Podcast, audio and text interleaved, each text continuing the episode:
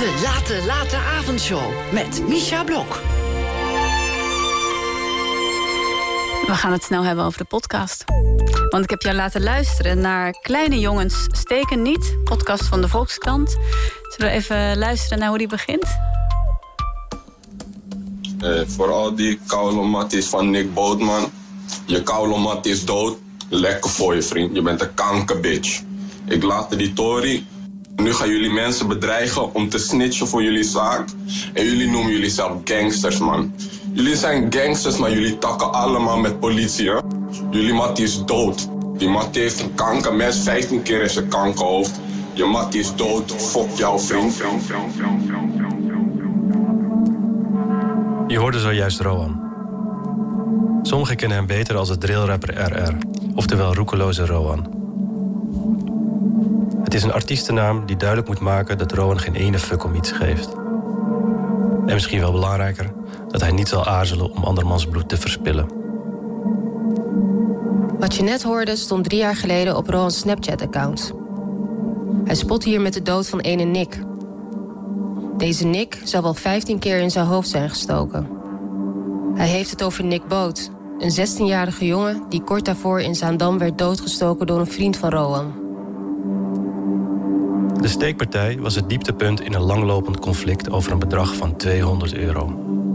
Ja, je hoort het goed. 200 euro.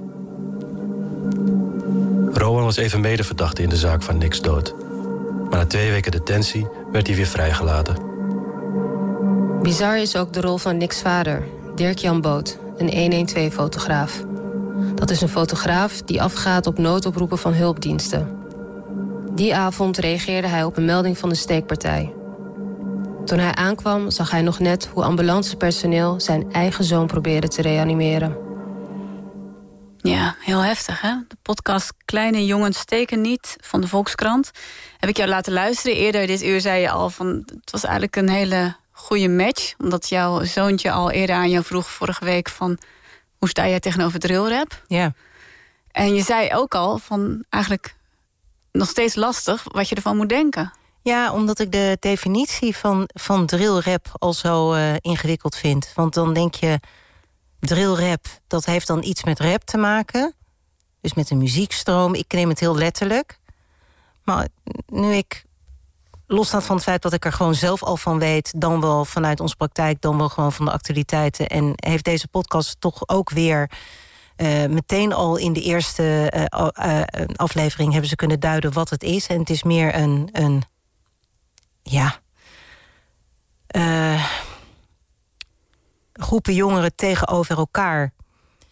Waarbij er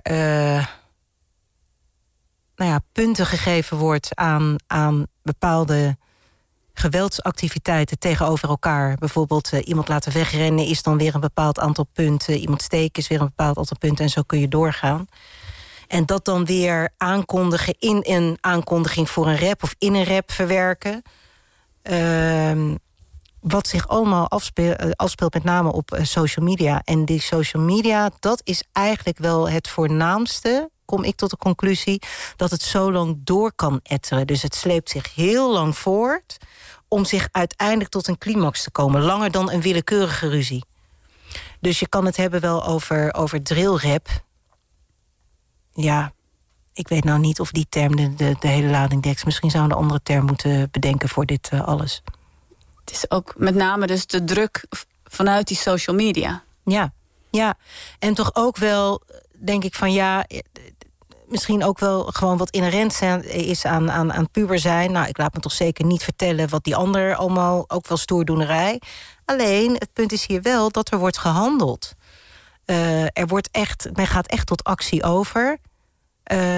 En het gaat in de kern natuurlijk helemaal nergens over. Want ik snap natuurlijk dat voor heel veel mensen 200 euro heel veel geld is. Voor mij ook. Ik moet er ook hard, hard voor werken.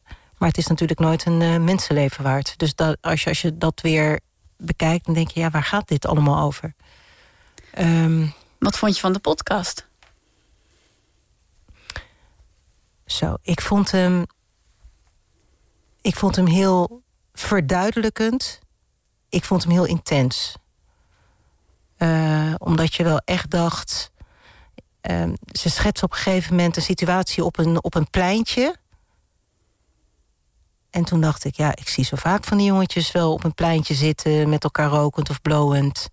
En dat je dan helemaal niet realiseert dat dit dat dat jongens kunnen zijn van een bepaalde groep, waarbij op een ander pleintje weer andere jongens op een bepaald, van een bepaalde groep zitten. Ja. Ehm, dus dat er zoveel eigenlijk buiten jou, uh, nou, dat er zoveel buiten me omgaat. Terwijl dit hele strafrechtverhaal is natuurlijk gewoon mijn leven. Maar waar ik toen weer aan moest denken, is van, uh, maar beste mensen, waarom komt ons kind van elf met die vraag: wat vind jij van drillrap? Hm? Hoe komt dat tot hem? Ja. Ja. En dan zegt hij, nou, daar heb ik het natuurlijk over gehad. En zei hij van, ja, nou ja, ik, ik heb daar niet zoveel mee. En dan is de conclusie, want ik hou niet zo van rap, dus ik hoor dat ook niet. Toen is er niet van die rap. Ik weet niet wat hij dan bedoelt met die rap, of het dan te hard is, of de, ik weet ik veel wat. Dat hij daar nog niet aan toe is, ik weet het niet. Uh, maar anderen, die vinden dat wel heel fijn om naar, naar te luisteren. Dus ja, ik... Uh... Hij heeft nu aan jou dus gevraagd, van, wat vind jij daarvan? Wat ga je aan hem antwoorden? Zo, nou, daar, daar ben ik dus nog niet uh, uh, helemaal uit. Ik zit, ik zit eerder met mijn onderzoekende blik van... Uh, waar, ja, wat is de informatie die jij allemaal hebt eigenlijk? En of het dan over, overeenkomt met, met wat ik heb. Want ik vond hem echt... ja, ik vond het echt, echt heftig.